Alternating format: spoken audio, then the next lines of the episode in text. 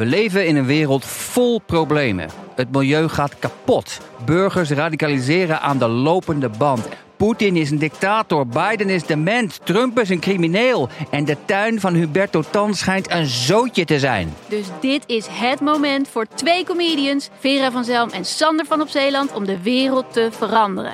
Alles moet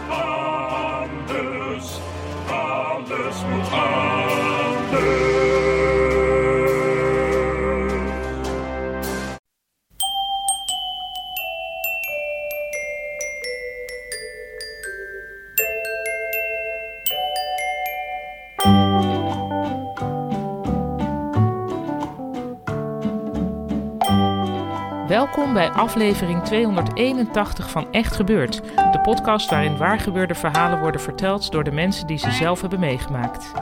In deze aflevering een verhaal dat Paulo van Vliet in 2014 bij ons vertelde tijdens een verhalenmiddag rond het thema vlees en bloed.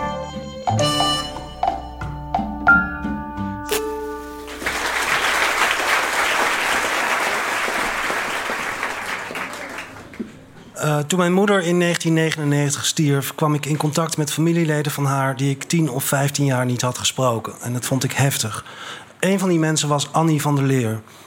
Uh, ik ben geboren in Australië. Toen wij in 1968 terugkwamen, trokken wij in in de te kleine portiekwoning van Annie en Cor van der Leer in Den Haag. Uh, ik sliep er in een gangkast. Ik weet nog goed rook. Het was muf, een droge stoflucht. Het was een superkleine woonkamer. Cor van der Leer was een echte Haagse man. Een kalend hoofd, een dikke hoornen bril, een gierenkop. En die zat in de stoel uh, voor zijn kachel. En ik was een klein bewegelijk jongetje. En ik draaide de hele tijd aan de knoppen van zijn radio. En draaide ik hem van de zender af. Ik wilde voor hem langslopen. En hij probeerde mij dat te beletten. Hij stak zijn benen uit. Maar toen schopte hij met de dikke rubber zool van zijn pantoffel... het ruitje van zijn eigen kachel in. Uh, en het kwam tot een enorme aanvaring tussen mijn moeder en hem. Hij zou iets gezegd hebben in de trant van... dat kind spoort niet en dat triggerde iets. Mijn moeder schreeuwde op de toppen van haar stem... je bent een oude gek. Uh, hij had over haar als kind gezegd... dat kind stinkt. En ook, ik wil dat armoedige kind niet over de vloer hebben. Ze zagen elkaar daarna zeven jaar niet. En ik heb al die tijd gedacht dat het door mij kwam. En toen uh, Annie van der Leer weer contact zocht, vroeg ik: hoe zit dat nou eigenlijk? Waarom noemen wij haar oma? En toen vernam ik hoe het zat. Uh, in 1930 was Annie van der Leer zwanger van mijn moeder. Ze had verkering met een jongen uit een beter milieu, Cor van der Leer. Maar ze was niet zwanger van hem. Ze had een slippertje gemaakt met een lange vries. Cor van der Leer wilde de verkering aanhouden op voorwaarde dat het kind naar een weeshuis ging. Uh, de moeder van Annie van der Leer zei: dat is een Hardorf en Hardorfers gaan niet naar een weeshuis. Dus toen kwam mijn moeder bij haar oma. En dat was een gezin waar al negen of tien kinderen waren. En het was in de Schilderswijk, dus dat maakte allemaal geen hol uit. Ze groeide op in armoede. Dan moet je denken aan. Ze had maar één jurkje. Ze liep tot haar twaalfde op blote voeten. Ook in de winter uh, was nooit iets te eten. Ze moesten constant aan de schuldeisers uh, ontkomen. Dus verhuisde ze om de drie weken. Uh, en dat heeft haar heel erg te neergedrukt. En ook later in haar leven nog. Ze zei: Ik had, wat mij betreft, niet geboren hoeven worden. En zij wist wel dat zij een oudere zuster had, dacht zij. Um, die het veel beter had dan zij. Annie van der Leer liep rond in nertjejassen en sloeg hermelijnen bondjes om. Um, maar zij kwam er pas op haar twaalfde achter dat dat in werkelijkheid haar moeder was.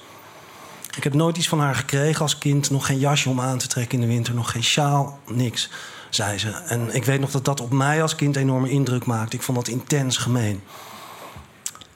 Vanaf 1975 waren Annie en Cor van der Leer weer een aanwezigheid in ons leven. We werden uitgenodigd om in Duinruil pannenkoeken te komen eten. Ze hebben hier de beste spekpannenkoeken van de wereld, riep Cor van der Leer. En hij gedroeg zich als een soort padere familias die alles betaalde. Uh, later, toen ik 14 was, mocht ik een biertje drinken van mijn vader. En toen bestelde hij voor mij mag een kleintje pils voor deze jonge heer. Toen kreeg ik het in een limonadeglas. Dus het was echt een kleintje pils. Daar was ik ontzettend pissig over. Uh, niets wat die man deed, dat, voor ons, dat kon goed genoeg zijn. En ik had de blik van mijn moeder daarin volledig overgenomen. Uh, we werden overladen met kunstzinnige prentjes. Want de vader van Cor van der Leer was vroeger antiekhandelaar. En hij had garages vol met die troep. Uh, van de exemplaren die wij kregen was meestal een hoekje afgescheurd... of ze waren niet ondertekend. Het waren onverkoopbare stukken. Hij had wel één uh, waardevol stuk. Dat was een pentekening van Jan Torop. Een originele tekening, een spotprint over de industriële revolutie. Uh, en die schonk hij aan Zalm, die toen minister van Financiën was. En die hangt nu in het Belastingmuseum. In 1999 kreeg ik hem aan de lijn. En ik vertelde dat mijn moeder was overleden. Hij zei, ach, is, is het dood, zei hij. En in dat beladen moment ontsnapte hem een bekentenis. Je neemt in je leven beslissingen. Achteraf vraag je je af of je er goed aan hebt gedaan... maar je kunt ze niet altijd nog terugdraaien, zei hij. En ik herkende daar een waardevol berouw in, maar het was te laat. Uh, het was 70 jaar te laat. Het hele leven van mijn moeder had zich al afgespeeld... in de schaduw van zijn beslissing om haar te weren. Um, vanaf dat moment belde Annie van der Leer mij regelmatig op. Ze was 97, ik noemde haar Annie. Zij wilde dat ik haar oma noemde. Ze was een beetje hees en als ik haar aan de lijn had, zei ze: Zeg eens oma. En ik, ik, kreeg ook een brief van haar die mijn moeder haar vanuit Australië had gestuurd. Uh, die ontving ik in een plastic sluitzak met zo'n dichtdrukstrip aan de bovenzijde. Dat was voor haar een waardevol document. En daarin had mijn moeder geschreven: Natuurlijk hou ik van je, ik hou van jullie allemaal. En dat was door Cor van der Leer met rood onderstreept. Maar daarna schreef mijn moeder: Maar moeder vind ik een te beladen woord. Dat gebruik ik alleen voor degene die me heeft opgevoed.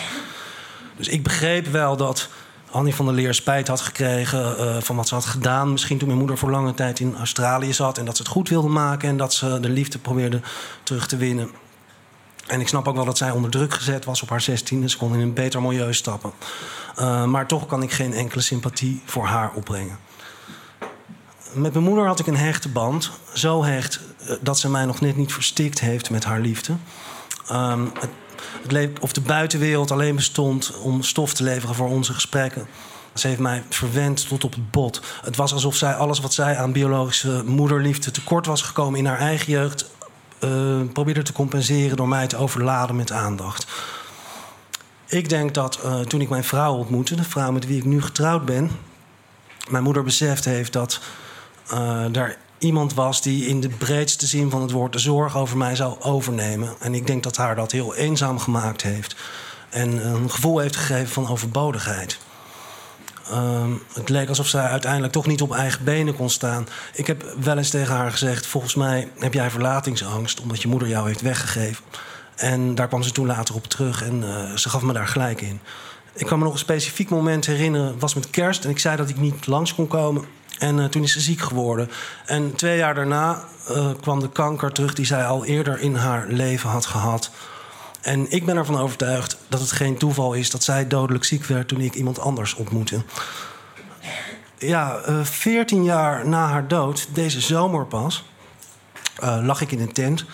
het was in Schotland en ik werd wakker van de jeuk. Er was een hele kleine mugjes daar, het jeukte verschrikkelijk en het stormde. En er lag een man in de tent naast ons te snurken. Dus ik kon niet meer in slaap komen. En toen begon ik aan deze dingen te denken. En ik lag een beetje te malen. En ik dacht, maar wacht eens, ik heb haar, mijn moeder eigenlijk alles in haar leven gegeven wat zij uh, verwachtte.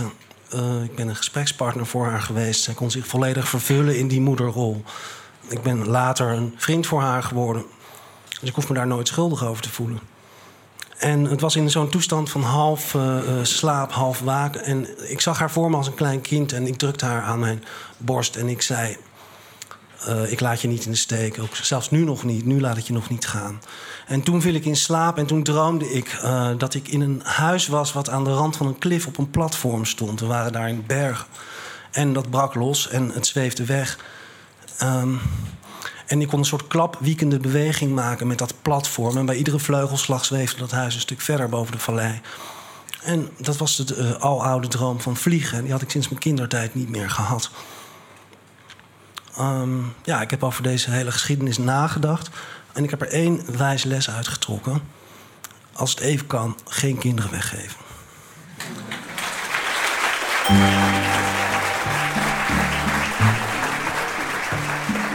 Je hoorde een verhaal van Paulo van Vliet.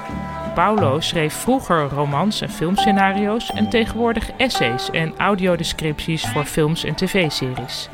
Hij vertelde zijn verhaal in 2014 tijdens een echt gebeurtmiddag in comedyclub Toemler in Amsterdam. Dit jaar hebben we vanwege corona nauwelijks zulke verhalenmiddagen kunnen organiseren, maar we hopen dat ze in het nieuwe jaar langzaam maar zeker weer op gang komen. Wil je op de hoogte blijven? Schrijf je dan in voor onze nieuwsbrief via onze website, dat is www.echtgebeurd.net. De redactie van Echt Gebeurd bestaat uit Micha Wertheim, Rosa van Toledo, Maarten Westerveen en mijzelf, Paulien Cornelissen. De productie wordt gedaan door Eva Zwaving. De zaaltechniek voor deze aflevering was in handen van Nicolas Vrijman. De podcast wordt gemaakt door Gijsbert van der Wal.